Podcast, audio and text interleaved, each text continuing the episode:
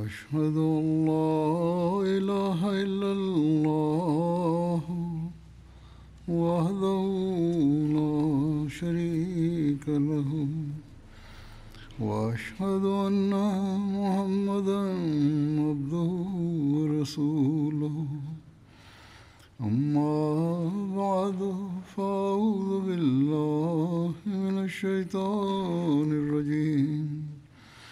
بسم الله الرحمن الرحيم.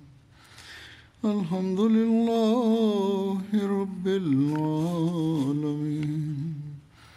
الرحمن الرحيم. مالك يوم الدين. إياك نعبد وإياك نستعين. اهدنا الصراط المستقيم صراط الذين أنعمت عليهم غير المغضوب عليهم ولا الضالين seperti yang telah disampaikan pada khutbah Jum'ah sebelumnya, utusan dari Yang Mulia Rasulullah Shallallahu Alaihi Wasallam kembali dan mengabarkan kepada beliau tentang kafilah atau pasukan yang mendekat. हजरत सल्लल्लाहु अलैहि वसल्लम को एक काफले या लश्कर के आने की इतला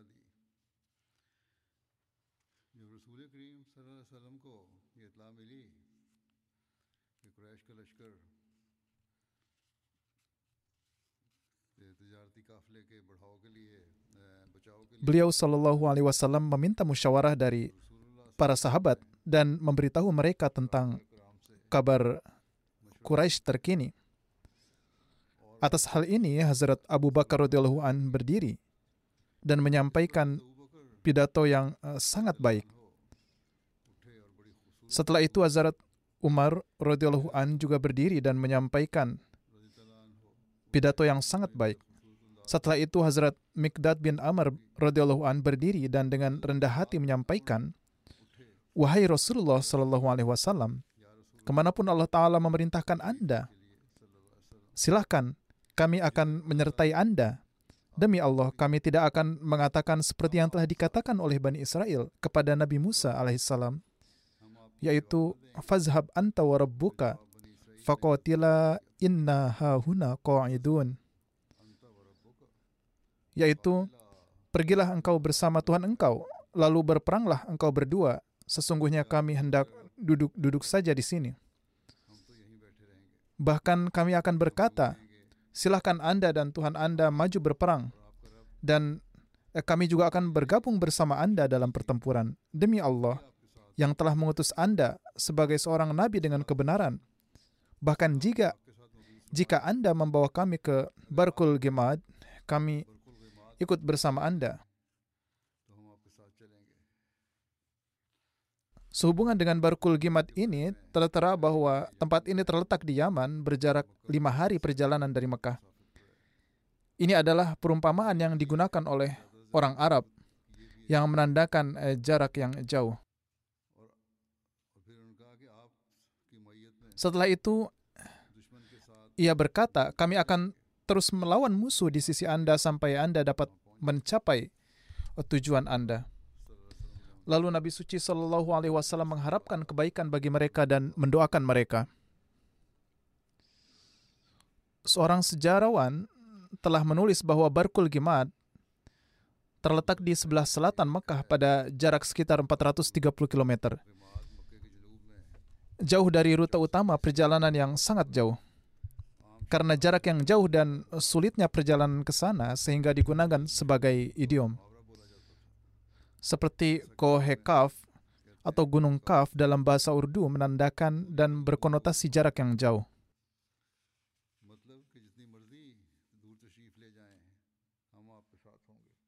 Ini berarti bahwa tidak peduli seberapa jauh Nabi Suci Shallallahu Alaihi Wasallam akan pergi, mereka akan tetap berada di sisi beliau. Kami juga menemukan beberapa keterangan terkait hal ini karena beberapa sejarawan telah mengajukan pertanyaan terkait hal ini bahwa ayat yang dibacakan oleh Hazrat Mikdad radhiyallahu an adalah dari surat Al-Maidah, sedangkan surat ini diturunkan jauh di kemudian hari. Dengan demikian tampaknya diragukan bahwa ayat ini dibacakan pada kesempatan ini. Namun demikian, para ulama juga menyampaikan beberapa kemungkinan untuk ini seperti mereka telah mendengar pernyataan Bani Israel ini dari orang Yahudi atau seperti mereka mendengar pernyataan Bani Israel ini dari orang Yahudi atau salah satu perawi kemudian mungkin menambahkan ayat ini. Bagaimanapun kebenaran ini tidak terlalu penting karena riwayat ini sering dikutip dalam buku-buku sejarah.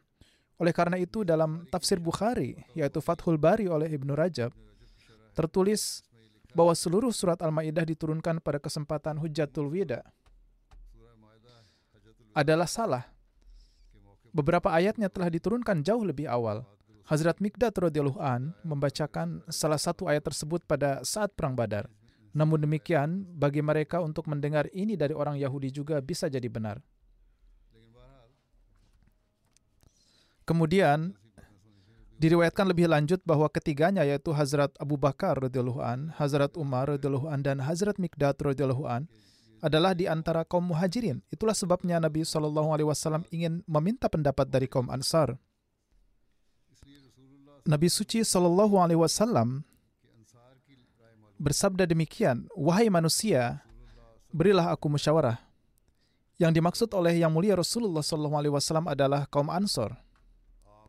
Mungkin alasan lain untuk ini adalah bahwa ketika bayat akabah mereka berkata, wahai Rasulullah Shallallahu Alaihi Wasallam, selama anda tidak datang ke kota kami, kami tidak bertanggung jawab atas anda. Tapi ketika anda datang ke Madinah, tentu Anda akan menjadi tanggung jawab kami. Kami akan melindungi Anda dari segala dari segalanya sama seperti kami melindungi anak-anak kami dan para wanita kami. Oleh karena itu, Rasulullah Shallallahu Alaihi Wasallam menyatakan keprihatinan beliau bahwa kaum Ansar hanya akan bertahan, hanya akan bertahan melawan musuh yang melancarkan serangan ke Madinah dengan berpikir bahwa mereka tidak wajib menghadapi musuh di luar kota mereka. Namun ketika Nabi Shallallahu Alaihi Wasallam menyatakan hal ini, Hazrat Sa'ad bin Muaz radhiyallahu an berkata, wahai Rasulullah Shallallahu Alaihi Wasallam, mungkin Huzur ingin meminta pendapat kami. Rasulullah Shallallahu Alaihi Wasallam menjawab dengan tegas, tentu. Hazrat Sa'ad radhiyallahu an kemudian berkata, Sesungguhnya kami telah beriman kepada Anda, bersaksi atas kebenaran Anda, dan bersaksi bahwa agama yang Anda bawa adalah kebenaran. Selain itu, kami telah berjanji kepada Anda dan bersumpah untuk mengikuti instruksi Anda. Wahai Rasulullah Sallallahu Alaihi Wasallam, silahkan pergi ke mana pun Anda mau. Kami akan menyertai Anda. Kami bersumpah demi Zat yang telah mengutus Anda dengan kebenaran bahwa jika Anda membawa kami ke samudera dan Anda masuk sendiri, kami juga akan menyelam ke dalamnya bersama Anda. Dan tidak seorang pun dari kami yang akan menahan diri. Kami tidak akan enggan jika Anda membawa kami eh, besok untuk menghadapi musuh. Kami adalah orang-orang yang tabah dalam pertempuran. Kami akan menunjukkan kesetiaan saat menghadapi musuh. Dan kami berharap Allah yang Maha Kuasa akan menunjukkan kepada Anda bahwa kami dapat mencapai prestasi yang akan menyejukkan mata Anda. Jadi, dengan berkat Allah, bawalah kami bersama Anda. Ada riwayat dalam Sahih Muslim di mana kata-kata ini dianggap berasal dari Hazrat Sa'ad bin Ubadah radhiyallahu. Namun menurut sebagian besar riwayat, Hazrat Sa'ad bin Ubadah radhiyallahu tidak berpartisipasi dalam pertempuran Badar. Dan oleh karena itu, para ahli sejarah berusaha untuk mengkompromikan antara dua riwayat dan menyarankan bahwa mungkin Nabi Shallallahu Alaihi Wasallam meminta musyawarah pada dua kesempatan. Yang pertama terjadi di Madinah ketika beliau menerima berita tentang kafilah dan Hazrat Sa'ad bin Ubadah membuat pernyataan ini. Dan yang kedua kalinya Nabi Suci Shallallahu Alaihi Wasallam berembuk adalah ketika beliau sedang dalam perjalanan dan Hazrat Sa'ad bin Mu'az radhiyallahu an mengucapkan kata-kata ini. Alhasil inilah yang ditulis oleh para pensyarah dalam syarah mereka, tetapi dengan tapi pada kenyataannya Hazrat Sa'ad bin Mu'az radhiyallahu an yang mengatakannya. Mendengar hal ini dari Hazrat Sa'ad radhiyallahu an, Rasulullah wasallam dipenuhi dengan kegembiraan dan bersabda, "Berangkatlah dan bergembiralah dengan kabar gembira. Allah taala telah menjanjikan saya kemenangan atas salah atas salah satu dari dua pihak. Saya bersumpah demi Tuhan bahwa seolah-olah saat ini saya menyaksikan tempat-tempat di mana para musuh jatuh dan mati bergelimpangan. Mendengar kata-kata ini, para sahabat menjadi gembira, tetapi pada saat yang sama mereka berkata dengan heran, "Ahalla zakarta lanal kitala wa nasta'id." Wahai Rasulullah SAW, jika Anda telah mengetahui tentang pasukan Quraisy sebelumnya, mengapa Anda tidak menyebutkan kepada kami kemungkinan perang ketika kami masih di Madinah? sehingga kami dapat bersiap sebelum berangkat. Namun terlepas dari berita dan nasihat ini dan meskipun kabar gembira yang disampaikan oleh Nabi suci sallallahu alaihi wasallam dari Allah yang menunjukkan bahwa umat Islam pasti akan meraih kemenangan atas salah satu dari pihak dari dua pihak ini, namun hingga saat itu umat Islam masih belum mengetahui dengan pihak mana mereka akan berhadapan. Mereka menyadari kemungkinan untuk menghadapi salah satu dari dua kelompok ini, dan tentu saja ingin bertemu dengan yang lebih lemah dari keduanya, yaitu mereka ingin menghadapi kafilah. Hazrat Muslim radhiyallahu menulis dalam uh, hal ini ketika pada saat Badar sebuah pertempuran akan terjadi di luar Madinah, Rasulullah SAW mengumpulkan semua sahabat dan bersabda, Wahai manusia, aku berperang melawan kafilah. Sebaliknya, jika Anda berhadapan dengan tentara Mekah, satu demi satu para sahabat muhajirin berdiri dan berkata, Wahai Rasulullah SAW, silakan Tuhan maju berperang, kami akan menyertai Anda. Namun setiap kali seorang sahabat muhajir mengungkapkan pendapatnya, Rasulullah SAW bersabda, Wahai manusia, aku meminta pendapat kalian. Nabi suci SAW berpikir bahwa meskipun muhajirin memberikan saran mereka, ansarlah yang benar-benar dipertanyakan. Kaum Ansar diam karena lawannya adalah orang-orang Mekah. Kaum Ansar berpikir bahwa jika mereka menyatakan kesiapannya untuk memerangi orang Mekah, mungkin kaum Muhajirin akan merasa tersinggung. Mereka mungkin tidak suka jika mereka mengungkapkan keinginan mereka untuk membunuh kerabat mereka. Namun setelah Rasulullah SAW berulang kali berulang kali meminta pendapat, seorang sahabat Ansor berdiri dan berkata, Wahai Rasulullah SAW, Anda telah mendapatkan musyawarah. Satu demi satu, seorang muhajir berdiri dan menegaskan kesediaan mereka untuk berperang. Namun, Anda masih meminta pendapat dari orang-orang, seolah-olah Anda berbicara kepada kaum Ansar. Rasulullah SAW menjawab dengan tegas, "Ya, benar." Sahabat kemudian berkata, "Wahai Rasulullah SAW, kami diam karena takut menyebabkan derita bagi saudara muhajirin kami. Jika kami menyatakan kesediaan kami untuk berperang, para muhajirin mungkin berpikir bahwa kami mengusulkan untuk membunuh keluarga dan sanak saudara mereka. Ia lebih lanjut berkata, Wahai Rasulullah Shallallahu Alaihi Wasallam, mungkin Anda mengacu pada janji yang kami buat di Akabah, di mana kami berjanji untuk membantu engkau jika musuh menyerang Madinah dan bahwa kami tidak akan bertanggung jawab atas pertempuran yang terjadi di luar Madinah. Rasulullah SAW bersabda, Ya, ini memang masalahnya. Wahai Rasulullah Sallallahu Alaihi Wasallam, pada saat kami membuat perjanjian itu, kami tidak sepenuhnya memahami kedudukan Anda yang sebenarnya. Wahai Rasulullah Sallallahu Alaihi Wasallam, kebenaran Anda telah terwujud kepada kami dan status Anda telah jelas bagi kami. Perjanjian itu tidak penting. Laut ada di depan kita. Jika Anda memberi perintah, kami siap untuk melompat ke dalamnya dengan kuda kami. Jika terjadi pertempuran demi Allah, kami akan berperang di kanan dan kiri Anda, dan kami akan berperang dari depan dan belakang Anda. Musuh tidak akan bisa mencapai Anda sebelum mereka menginjak mayat kami. Setelah mendapatkan musyawarah tersebut, Rasulullah SAW berangkat dari tempat itu dan dengan menempuh berbagai rute tiba di dekat Badar detail tentang Badar telah disebutkan sebelumnya, tetapi saya akan menyampaikannya sekali lagi. Badar terletak 150 km barat daya Madinah. Bentang alamnya berbentuk oval dan datarannya seperti gurun, berukuran panjang 5,5 mil dan lebar 4 mil. Badar dikelilingi oleh pegunungan tinggi dan memiliki banyak sumur dan kebun buah tempat karavan sering mendirikan kemah. Beberapa saat setelah tiba di dekat Badar, Nabi suci Shallallahu Alaihi Wasallam dan Hazrat Abu Bakar radhiyallahu an berangkat dengan menunggang kuda sampai mereka bertemu dengan seorang lelaki tua Arab. Tanpa mengungkapkan identitas, mereka bertanya kepada lelaki tua itu tentang kaum Quraisy dan tentang Rasulullah Shallallahu Alaihi Wasallam dan para pengikutnya. Orang tua itu menjawab, saya hanya akan memberitahu Anda jika Anda memberitahu saya dari suku apa Anda berasal. Rasulullah Shallallahu Alaihi Wasallam menjawab, setelah Anda memberitahu kami tentang apa yang kami minta, kami juga akan memberitahu Anda tentang diri kami sendiri.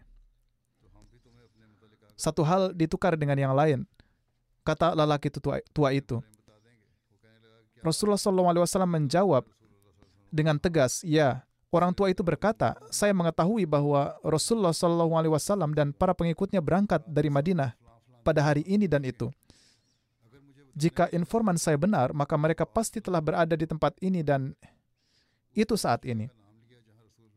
Orang tua itu menyebutkan nama tempat di mana Nabi SAW telah tiba. Dia lebih lanjut menyatakan, saya juga mengetahui bahwa kaum Quraisy berangkat pada hari ini. Dan itu. Jika informan saya benar, maka mereka pasti telah mencapai tempat ini dan itu. Dia menyebutkan nama tempat di mana kaum Quraisy ditempatkan. Kedua pernyataannya benar. Setelah memberikan informasi ini, lelaki tua itu bertanya, kamu berasal dari suku apa? Rasulullah SAW menjawab, kami berasal dari air. Setelah itu, Rasulullah SAW berpaling darinya. Orang tua itu bertanya, kamu berasal dari air. Dari air maksudnya itu apa? Apakah Anda mengacu pada air Irak? Jawaban dari Rasulullah SAW di sini tampaknya memiliki lebih dari satu makna. Sejarawan juga telah membahas hal ini secara panjang lebar. Tim kita yang bertugas mencari referensi juga telah menyelidiki pernyataan eh, para sejarawan terkait hal ini. Saya akan menyajikan ringkasan ini. Sejarawan telah menyatakan, telah mengangkat poin bahwa Rasulullah SAW tidak memberikan jawaban yang benar seperti yang beliau janjikan. Sejarawan lain membantah hal ini dengan mengatakan bahwa Rasulullah SAW tidak memberinya jawaban yang salah. Memang Rasulullah SAW menjawab dengan ambigu agar tidak berbohong atau mengungkapkan asal-usulnya yang sebenarnya, terutama dalam keadaan bahaya dan perang pernyataan Rasulullah SAW tentang berasal dari air mengacu pada pernyataan Al-Quran. Kami menjadikan dari ini kami menjadikan dari ini setiap makhluk hidup. Hal ini telah disebutkan oleh salah seorang ahli sejarah bernama Abu Bakar Jabar al-Jazairi.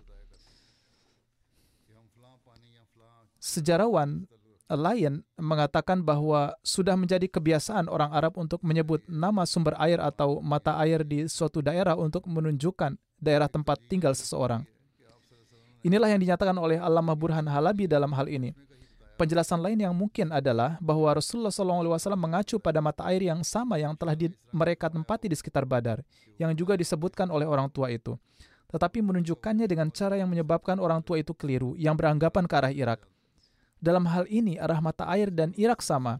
Alhasil Allah lebih mengetahui. Setelah itu, Rasulullah SAW kembali kepada para sahabat. Di malam hari, Rasulullah SAW mengutus Hazrat Ali radhiyallahu an, Hazrat Zubair bin Awam radhiyallahu an dan Sa'ad bin Abi Waqqas radhiyallahu an bersama dengan beberapa sahabat lainnya menuju mata air di Badar untuk mengumpulkan informasi lebih lanjut.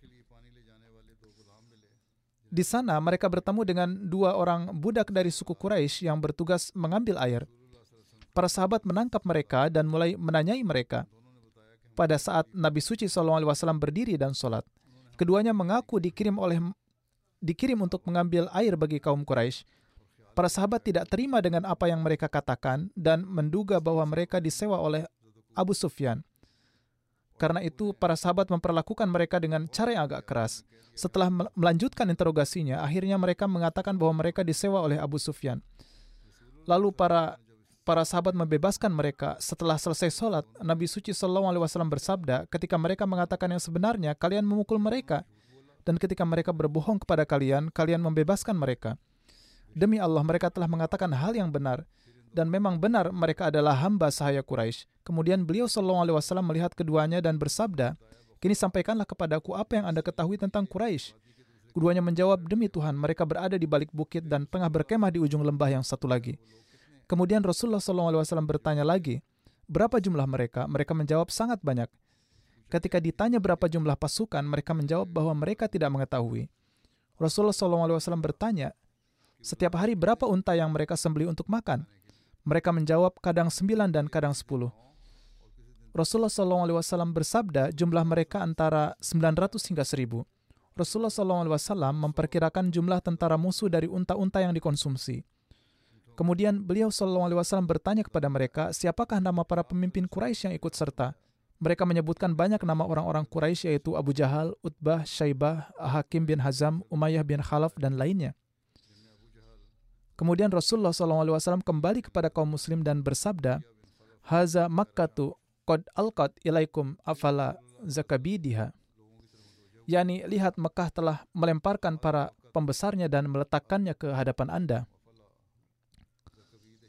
Hazrat Mirza Bashir Ahmad sahib pun berkenan dengan ini menulis bahwa Rasulullah SAW bersabda kepada para sahabat, Haza Makkah takut alqat ilaikum afala zaka bidiha yakni lihat Mekah telah melemparkan para pembesarnya dan meletakkannya ke hadapan Anda. Ini merupakan kalimat yang sangat cerdas dan bijak yang keluar secara spontan dari lidah beberkat beliau. Ungkapan ini tidaklah membuat sebagian kaum muslim yang lemah menjadi berkecil hati ketika mendengar sebelumnya nama-nama dari begitu banyak pembesar Quraisy yang masyhur. Namun ungkapan ini justru membuat mereka yakin seolah-olah Tuhan telah mengirim para pembesar Quraisy ini untuk dijadikan mangsa bagi kaum muslim. Setelah itu, Rasulullah SAW memerintahkan pasukan beliau untuk bergerak maju sehingga mereka dapat mencapai sumur badar sebelum kedatangan kaum musyrik dan agar kaum musyrik tidak mendapatkan keunggulan.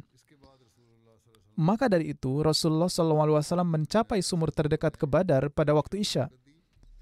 Pada kesempatan ini, Hazrat Habab bin Munzir radhiyallahu an memberikan saran. Ketika Rasulullah SAW mencapai sumur terdekat ke Badar dan bermukim di sana, saat itu Habab bin Al-Munzir berkata, Wahai Rasulullah, apakah Anda berkemah di sini di bawah perintah ilahi, sehingga kami tidak dapat pindah dari tempat ini? Atau apakah ini hanya pendapat Anda dan strategi perang? Rasulullah SAW uh, bersabda, ini hanya sebuah pendapat dan strategi perang. Mendengar ini, Hazrat Ahabab berkata, tempat ini tidaklah ideal. Hendaknya kita berpindah ke suatu tempat yang paling dekat dengan sumber mata air pasukan Quraisy. Selanjutnya, tutup semua mata air yang ada dan siapkan dengan dan siapkan tempat penampungan air untuk kita dan kita akan mengalirkannya ke sini. Jadi ketika kita melawan musuh, kita akan memiliki air yang melimpah dan musuh tidak akan dan musuh tidak akan memiliki air. Rasulullah SAW berkata, pendapat Anda sangat benar. Kemudian Uzur SAW membawa pasukan Muslim ke sumur yang terdekat dengan tempat pasukan Quraisy dan mendirikan kemah di sana. Dan sesuai perintah beliau, sumur-sumur lainnya ditutup dan dibuatlah penampungan air di dekat sumur tempat beliau bermukim, lalu memenuhinya dengan air. Ini bersumber dari Sirat Ibnu Hisham. Setelah menentukan tempat untuk mendirikan kemah, tahap selanjutnya adalah menyiapkan tempat tinggal bagi Rasulullah Shallallahu Alaihi Wasallam. Atas saran Hazrat Sa'ad bin Muaz radhiyallahu an, pemimpin suku Aus, para sahabat menyiapkan kemah kecil untuk Rasulullah Shallallahu Alaihi Wasallam di salah satu sisi Medan. Hazrat Sa'ad bin Muaz berkata, Wahai Rasulullah, haruskah kami menyiapkan kemah kecil untuk Anda, di mana Anda dapat beristirahat? Hazrat Mirza Bashir Ahmad Sahib radhiyallahu telah menulis laporan rinci tentang kejadian ini yang telah saya sebutkan sebelumnya. Namun perlu disebutkan di sini juga, setelah tempat untuk mendirikan kemah telah dipilih atas usul Sa'ad bin Muaz radhiyallahu kepala suku Aus, semacam tenda kecil disiapkan untuk Rasulullah SAW di salah satu sisi medan. Hazrat Sa'ad radhiyallahu an mengikat tunggangan Rasulullah SAW di dekat tenda dan berkata, Wahai Rasulullah SAW, tinggalkanlah, tinggallah di tenda ini, kami akan melawan musuh dengan nama Allah. Jika Allah memberi kita kemenangan, maka inilah harapan kita. Tetapi jika nauzubillah, kenyataan yang terjadi adalah lebih buruk dan kita kalah. Maka ambillah tunggangan Anda dan pulanglah ke Madinah dengan cara apa pun yang memungkinkan. Di sana Anda akan menemukan saudara dan kerabat kami yang tidak kurang dari kami dalam hal kecintaan dan ketulusan. Namun karena mereka tidak menyadari bahwa kita akan dihadapkan oleh perang dalam pergerakan ini, sehingga mereka tidak ikut. Jika tidak, mereka tidak akan pernah tertinggal. Ketika mereka menyadari keadaan, mereka tidak akan berhenti menyerahkan menyerahkan nyawa mereka untuk melindungi engkau. Ini adalah ketulusan hati Hazrat Sa'ad yang bagaimanapun juga patut, patut dipuji. Tetapi apakah pernah bahwa utusan Allah melarikan diri dari medan pertempuran? Di medan Hunain, 12.000 tentara ter berbalik. Tetapi sosok Eh, pusat tauhid ilahi ini, yakni yang mulia Rasulullah Shallallahu Alaihi Wasallam, beliau tidaklah goyah sedikit pun. Alhasil tenda telah disiapkan dan Hazrat Saad bersama beberapa orang ansar lainnya berdiri berjaga mengelilingi beliau. Rasulullah SAW melalui malam bersama dengan Hazrat Abu Bakar radhiyallahu an di tenda ini. Menurut riwayat lain disebutkan bahwa Hazrat Abu Bakar radhiyallahu an berdiri menjaga di samping Nabi wasallam sepanjang malam dengan pedang terhunus. Sepanjang malam dengan penuh rintihan Rasulullah wasallam berdoa di hadapan Allah dan tertera bahwa dari antara seluruh pasukan hanya Nabi Shallallahu alaihi wasallam yang tetap terjaga sepanjang malam sementara para pasukan muslim beristirahat secara bergiliran. Hazrat Muslim an menerangkan ketika mereka sampai di medan Badar, para sahabat membuat tempat yang tinggi dan meminta Nabi Shallallahu Alaihi Wasallam untuk duduk di sana. Mereka kemudian berunding satu sama lain untuk mengetahui siapa yang memiliki unta tercepat. Maka dari itu mereka membawa unta tercepat dan mengikatnya di dekat Rasulullah Shallallahu Alaihi Wasallam. Ketika Rasulullah Wasallam melihat ini, beliau bertanya, apa ini? Mereka menjawab, wahai Rasulullah, kita sedikit jumlahnya dan musuh melebihi kami. Kami takut kalau-kalau kami semua mati syahid di sini. Kami tidak mengkhawatirkan nyawa kami sendiri, wahai Rasulullah. Kami khawatir jangan sampai Anda tertimpa kesulitan. Jika kami semua mati, maka ini tidak akan mempengaruhi Islam sedikit pun, namun masa depan Islam tergantung pada Anda. Oleh karena itu, sangat penting bagi kami untuk memastikan sarana perlindungan Anda. Wahai Rasulullah, kami telah menunjuk Hazrat Abu Bakar radhiyallahu an untuk melindungi Anda dan kami telah mengikatkan seekor unta cepat di dekat Anda jika nauzubillah saatnya tiba di mana kami gugur satu persatu, maka wahai Rasulullah, unta ini ada di sini. Gunakanlah ini untuk mencapai Madinah. Ada beberapa saudara kami di sana, mereka tidak mengetahui bahwa akan terjadi pertempuran. Seandainya mereka tahu, mereka akan berangkat bersama kami. Anda harus pergi menuju mereka, mereka akan melindungi Anda dan Anda tidak akan dilindungi dari musuh. Meski demikian Rasulullah SAW tidak menerimanya dan beliau tidak akan menerima hal ini. Tapi ini adalah gambaran bagaimana gejolak kecintaan yang diperlihatkan para sahabat. Mengenai hal ini, Hazrat Muslim Maud radhiyallahu an telah menulis, Hazrat Ali radhiyallahu an pernah berkata yang paling berani dan pemberani di antara para sahabat adalah Hazrat Abu Bakar radhiyallahu an. Hazrat Ali kemudian berkata bahwa selama perang Badar, ketika kemah kecil dibuat untuk Rasulullah Shallallahu Alaihi Wasallam, muncul pertanyaan siapa yang akan ditugaskan untuk menjaga Nabi Shallallahu Alaihi Wasallam. Mendengar ini, Hazrat Abu Bakar radhiyallahu an segera berdiri dengan pedang terhunus. Selama masa yang sangat sulit ini, Hazrat Abu Bakar radhiyallahu an melangkah maju dengan keberanian dan keteguhan hati yang sangat tinggi untuk menjaga Rasulullah Shallallahu Alaihi Wasallam. Demikianlah Demikianlah keesokan paginya pasukan Quraisy bergerak dari perkemahan mereka. Ketika Rasulullah SAW melihat mereka, beliau berdoa, Ya Allah, kaum Quraisy ada di sini dengan segala kesombongan dan keangkuhan mereka untuk berperang melawan engkau dan telah menyatakan bahwa utusan engkau Sallallahu Alaihi Wasallam adalah pendusta. penuhilah janji pertolonganmu yang telah engkau turunkan kepadaku dan hancurkanlah mereka hari ini. Di antara orang-orang musyrik, Nabi SAW melihat Utbah bin Rabi'ah naik unta merah. Rasulullah SAW bersabda, jika ada kebaikan yang bisa diharapkan dari salah seorang dari mereka, maka itu adalah orang yang menunggang unta merah. Jika mereka menerima apa yang dikatakannya, mereka mereka akan dibimbing dibimbing ke jalan yang benar.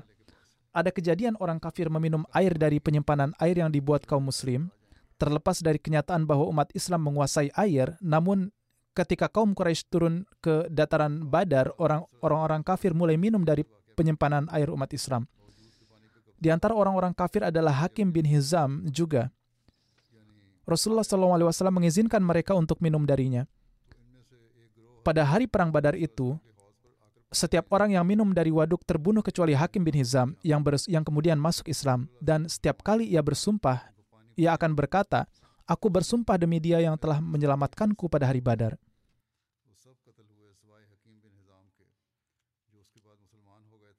Berkenaan dengan pengaturan barisan untuk berperang, disebutkan bahwa Rasulullah SAW mengatur barisan para sahabat untuk berperang di pagi hari sebelum laskar Quraisy tiba. Rasulullah SAW menyusun barisan untuk menggunakan anak panah dan dengan itu beliau memberi isyarat untuk maju atau mundur sehingga menjadi lurus.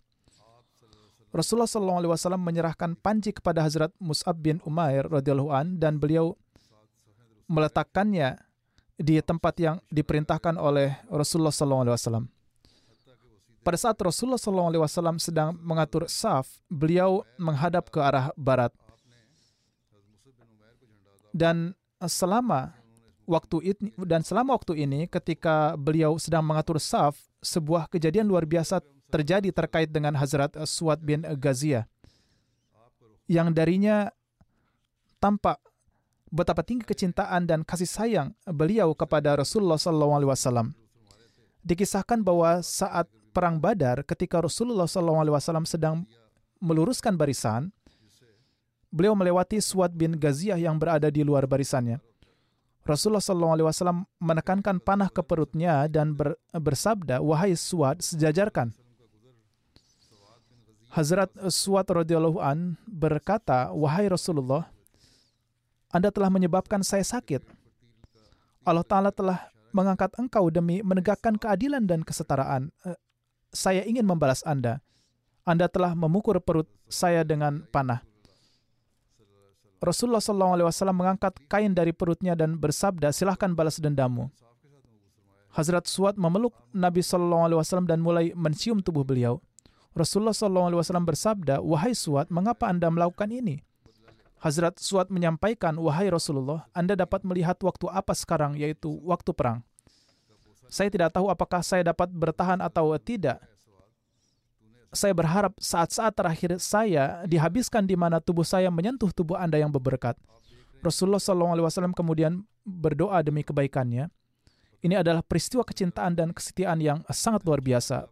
Peristiwa-peristiwa yang tersisa akan diceritakan kemudian, insya Allah. Sekarang saya ingin menyebutkan beberapa almarhum. Di antaranya adalah pertama yang terhormat Tuan Kari Muhammad Ashik yang merupakan dosen Jamiah Ahmadiyah dan pengawas serta prinsipal dari Madrasatul Hifaz. Beliau wafat beberapa hari yang lalu di usia 85 tahun. Innalillahi wa inna ilaihi raji'un. Dengan karunia Allah Ta'ala beliau adalah seorang musi Setelah menghafalkan Al-Quran dan mempelajari tajwid, beliau menerima Ahmadiyah. Tuan eh, Kari Ashik mendapatkan kesempatan mengajar di pesantren-pesantren ahli hadis di berbagai tempat di Pakistan. Beliau sendiri telah bayat. Sebelum bayat, Tuan Kari Ashik berasal dari golongan ahli hadis. Tuan Kari sendiri menuturkan mengenai diri beliau dalam buku yang beliau tulis beliau menuturkan pada tahun 1957 ketika saya berada di Karachi, di sana saya bergaul dengan beberapa kawan yang terpelajar. Saya sering pergi menemui mereka. Saya biasa membaca surat kabar di sana dan mengadakan majelis dengan beberapa ulama. Suatu hari ketika saya sedang membaca surat kabar, di sana seorang teman yang sedang membaca buku Hazrat Masih Maud alaihissalatu berkata, kawan ini sempurna. Saya berkata, apanya yang sempurna kawan? Ia mengatakan, ulama kita memiliki keyakinan mengenai nasih dan mansuhnya beberapa ayat Al-Quran. Sementara Tuan Mirza Gulam Ahmad Kadiani alaihissalam mengatakan bahwa tidak ada satupun ayat Al-Quran yang mansuh. Tuan Kari mengatakan, saya ingin menyelidiki hal ini. Saya berpikir bahwa hal ini harus diteliti apakah ini benar atau salah. Kemudian ia menulis dalam autobiografinya bahwa suatu hari setelah sholat, saya pergi ke gedung Ahmadiyah di di Karachi untuk mendapatkan informasi tentang Ahmadiyah dan bertemu dengan seorang Ahmadi. Saya mengatakan kepadanya bahwa saya ingin mendapatkan informasi mengenai beberapa isu-isu yang kontroversial, tolong bantu saya dan bimbing saya dalam hal ini. Dari gedung Ahmadiyah tersebut, seorang teman yang duduk di sana mengajak saya ke rumahnya. Ia memberikan saya beberapa buku untuk dibaca. Saya membaca buku-buku itu dan menunjukkan kepada salah satu ulama di antara teman-teman terpelajar saya bahwa inilah Islam yang sebenarnya. Ulama itu berkata, Anda adalah orang yang sangat baik. Anda tidak mengetahui. Oleh karena itu, saya akan memberitahu Anda bahwa keyakinan-keyakinan yang ditulis di dalam buku-buku kecil Mirza Sahib, yaitu Hazrat Masih Maud wassalam adalah sesuai dengan Islam. Ini adalah buku-buku yang beliau tulis di masa di masa-masa awal, tetapi di buku-buku besar yang ditulis kemudian, Mirza Sahib telah menulis pemikiran-pemikiran dan keyakinan-keyakinan yang salah. Padahal Barahin Ahmadiyah ditulis di masa-masa awal dan itulah Islam yang sebenarnya. Kemudian setelahnya juga ada banyak buku-buku. Setelah itu, Tuan Kari pergi menemui kenalan jemaatnya dan meminta untuk diberikan sebuah buku yang tebal. Akan tetapi kenalannya itu memberikan alasan untuk tidak memberikan buku-buku yang tebal, padahal tidak ada kontradiksi dalam buku-buku Hazrat Masih Maud. Baik itu buku-buku yang ditulis di masa-masa awal maupun kemudian. Apa hikmah di balik ini? Mengapa Ahmadi tersebut tidak mau memberikannya? Allah Ta'ala maha tahu. Tapi bagaimanapun setelah itu Tuan Kari kehilangan kontak dengannya. Setelah itu berdasarkan autobiografi Tuan Kari, suatu takdir khas Allah Ta'ala telah menciptakan suatu pergolakan di dalam hati beliau dan Tuan Kari beberapa kali datang ke Rabua dan bersilaturahmi dengan para Ahmadi di tingkat lokal. Beliau terus berdoa. Dalam keadaan ber berdoa ini, beliau juga mengalami banyak mimpi. Di dalam mimpi tersebut ada juga mimpi mendengar suara Ismau sautas sama ja al-masih. Tuan Kari mengatakan bahwa pada saat itu kata-kata tersebut tidak membuat perhatian saya cenderung kepada Ahmadiyah, tetapi setelah menjadi Ahmadi, saya menjadi ingat bahwa mimpi yang saya lihat telah terpenuhi. Ini adalah salah satu di antara berbagai mimpi yang beliau lihat. Tuan Kari menulis bahwa ketika saya melihat kembali peristiwa-peristiwa yang terjadi dalam hidup saya, saya berpikir bahwa ini semata-mata karunia Allah Ta'ala, bahwa perhatian saya berulang kali tertuju pada jemaat Ahmadiyah dan saya mendapatkan hidayah.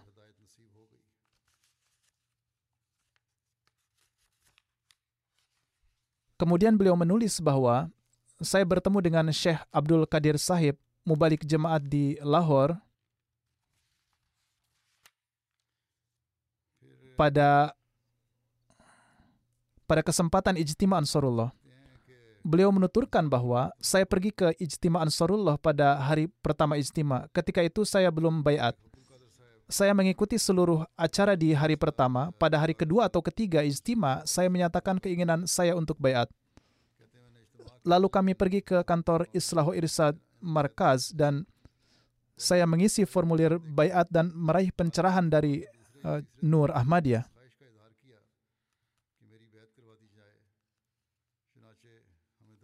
Setelah beliau, beliau juga harus melewati berbagai cobaan. Di sisi lain, para murid dan para ulama non-Ahmadi berusaha untuk membawa kembali beliau dengan berbagai cara. Mereka membujuk malau, mereka membujuk beliau dan juga bersikap keras kepada beliau. Tuan Kari menuturkan bahwa setelah menerima Ahmadiyah, banyak kesulitan menghadang saya, tetapi Allah Ta'ala telah menjadikan saya teguh dan mengikuti jalan yang ditunjuk olehnya ada bimbingan dari Allah Ta'ala. Oleh karena itu tidak ada godaan duniawi yang bisa membelokkan saya dari jalan yang benar. banyak upaya yang dilakukan untuk membuat saya berpaling dari jemaat Ahmadiyah dan membawa saya kembali ke jemaat ahli hadis. Tetapi dengan karunia Allah Ta'ala, berkat corak keimanan yang melingkupi saya, meskipun banyak dilakukan upaya, mereka gagal untuk membawa saya kembali. Beliau menikah dengan seorang janda yang memiliki tiga anak. Seorang putri beliau lahir darinya. Tertulis mengenai pengkhidmatan beliau terhadap jemaat, beliau menuturkan bahwa Tuan Sufi Huda Bakhsh Zirwi suatu hari menemui saya di masjid dan mengatakan bahwa Hazrat Mirza Tahir Ahmad yang merupakan in charge wakfi Jadid pada masa itu berpesan supaya membawa saya kepada beliau di Rabuah. Ketika itu beliau sudah bayat. Beliau menuturkan bahwa ketika saya datang ke hadapan beliau, beliau pertama-tama mendengarkan tilawat saya, lalu menugaskan saya untuk mengajarkan Al-Quran dan tajwid kepada para mu'alimin wakfi jadid dan juga mengatur tempat tinggal beliau di wakfi jadid. Ini terjadi pada tahun 1964. Tuan Kari ditetapkan sebagai pengajar tetap di Wakfi Jadid pada 1 Januari 1965. Pada masa itu, para mahasiswa tingkat Syahid Jamiah Ahmadiyah biasa datang ke datang ke kantor Wakfi Jadid untuk belajar Al-Quran dari beliau. Dan kemudian atas perintah dari Tuan Mir Daud Ahmad yang merupakan prinsipal Jamiah Ahmadiyah pada saat itu, beliau mulai datang untuk mengajar di Jamiah Ahmadiyah.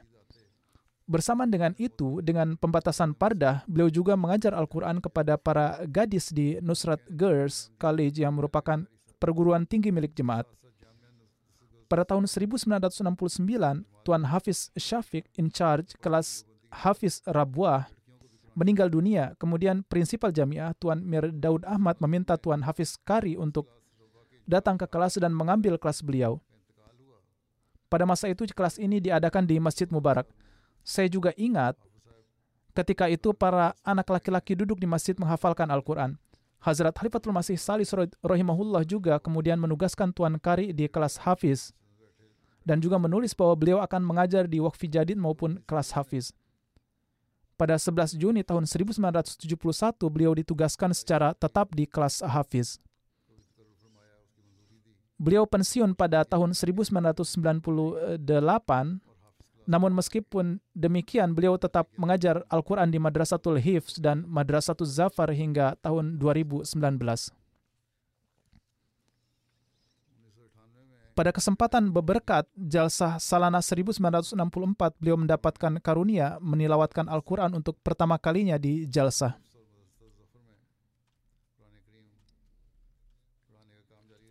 Tuan Kari menuliskan kisah beliau bahwa pada bulan Februari 1965, beliau mendapatkan karunia bertemu dengan Hazrat Khalifatul Masih Sani radhiyallahu an. Beliau menceritakan ihwal pertemuan bersejarah itu bahwa ketika saya berjabatan tangan dengan beliau radhiyallahu an, momen itu telah mengubah diri kehidupan saya. Sekretaris pribadi Huzur memperkenalkan saya di hadapan Huzur bahwa ini adalah Tuan Kari Muhammad Asyik yang merupakan mubayin baru. Ketika beliau memperkenalkan saya, Huzur Rodallahu an dengan penuh kasih sayang terus menatap saya dan saya juga memegang tangan Huzur yang berberkat. Merupakan suatu kehormatan bisa bermulakat dengan beliau Rodallahu an. Tuan Kari bertugas mengimani mengimami sholat tarawih pada bulan Ramadan di Masjid Mubarak selama 15 tahun. Maulana Abdul Malik Khan, Nazir Islahu Irsyad, Markaziyah suatu kali mengatakan kepada beliau bahwa alasan mengapa beliau berulang kali ditugaskan untuk menjadi imam sholat tarawih di Masjid Mubarak adalah karena Hazrat Khalifatul Masih Salis rahimahullah sangat menyukai tilawat beliau. Murid-murid beliau begitu banyak dan kini tersebar di berbagai belahan dunia. Surat-surat mereka pun saya terima yang menceritakan bagaimana mereka memperoleh manfaat dari kebaikan dan ilmu beliau. Semoga Allah Ta'ala mengangkat derajat almarhum dan menciptakan uh, kondisi doa dan keikhlasan dalam diri anak keturunan beliau sebagaimana yang uh, beliau uh, harapkan.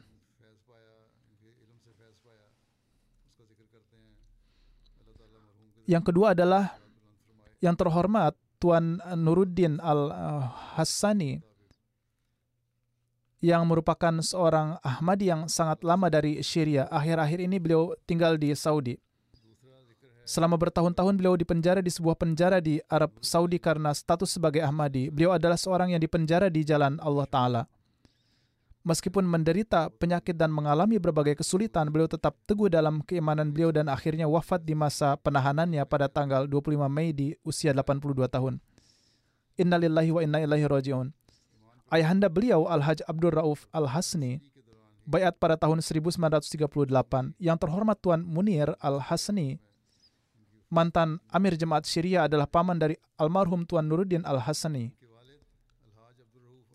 Almarhum sejak kecil dibesarkan dalam lingkungan akhlak dan nilai-nilai Islam serta kecintaan pada khilafat.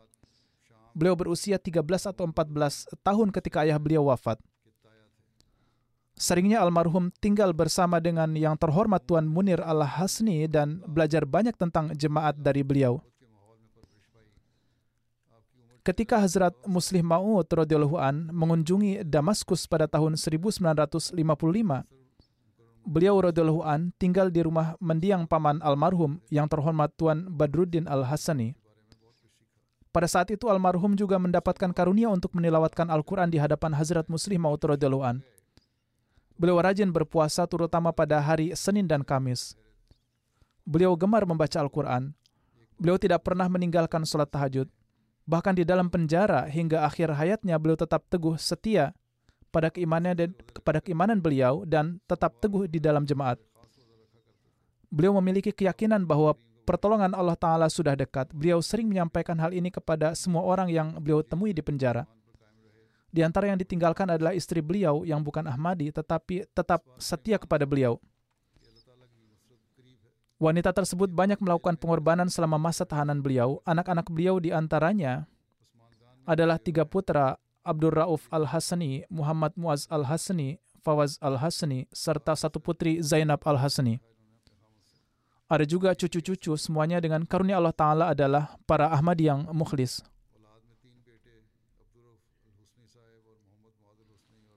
Tuan Muaz Al-Husni, putra almarhum, mengatakan bahwa ayah saya ingin supaya kami semua bersaudara masuk jemaat setelah merasa yakin. Dan Alhamdulillah kami bayat dengan penuh keyakinan. Ketika beliau tinggal di Arab Saudi, beliau mulai mencari jemaat, kemudian bertemu dengan almarhum Tuan Hashim, seorang Ahmadi dari Inggris yang bekerja di sana. Terjalin kontak dengan beliau. Putra beliau menuturkan sampai akhir hayatnya ayah kami sibuk dalam penghidmatan kepada jemaat beliau sangat penuh kasih sayang dan rahmah. Beliau senang membantu orang lain. Kemudian putra beliau menulis bahwa pada tahun 2019 beliau dipanggil dan dipenjara. Setelah melalui banyak usaha dan perjuangan, diketahui ternyata ayah dituduh sebagai seorang Ahmadi dan bertablik di media sosial. Selama dua tahun kami melakukan segala upaya untuk membebaskan beliau. Kami menyewa beberapa pengacara. Perintah pembebasan beliau telah dikeluarkan dan pembebasan beliau pun telah dilaksanakan. Namun setelah beberapa jam pembebasannya, polisi menelepon beliau dan memanggilnya ke kantor polisi dan menangkapnya lagi.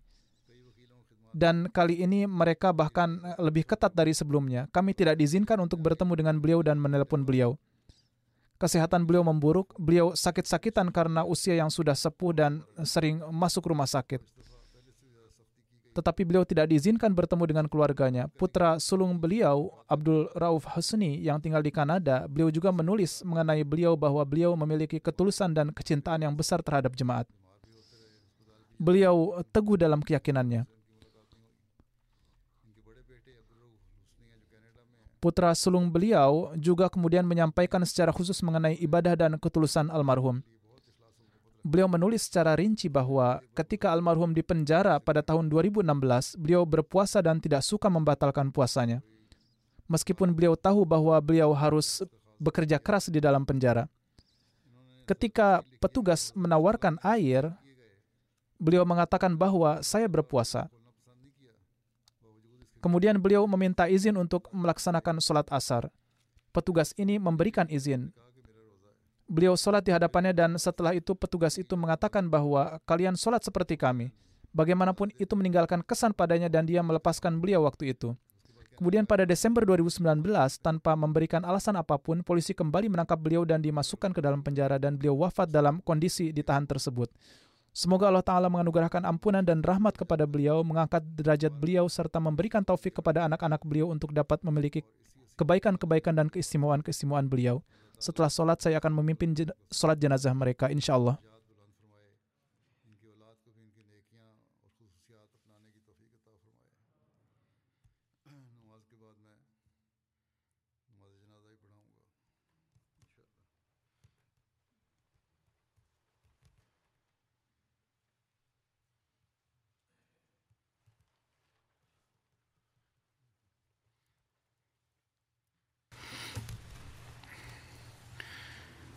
الحمد لله الحمد لله نحمده ونستعينه ونستغفره ونؤمن به ونتوكل عليه ونعوذ بالله من شرور أنفسنا ومن سيئات أعمالنا من يهده الله فلا مضل له ومن يضلله فلا هادي له.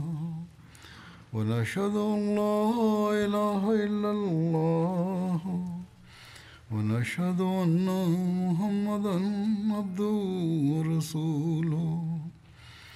عباد الله رحمكم الله إن الله يأمر بالعدل والإحسان وإيتاء ذي القربى وينهى عن الفحشاء والمنكر والبغي يعظكم لعلكم تذكرون. اذكروا الله يذكركم وادعوه يستجب لكم. ولذكر الله أكبر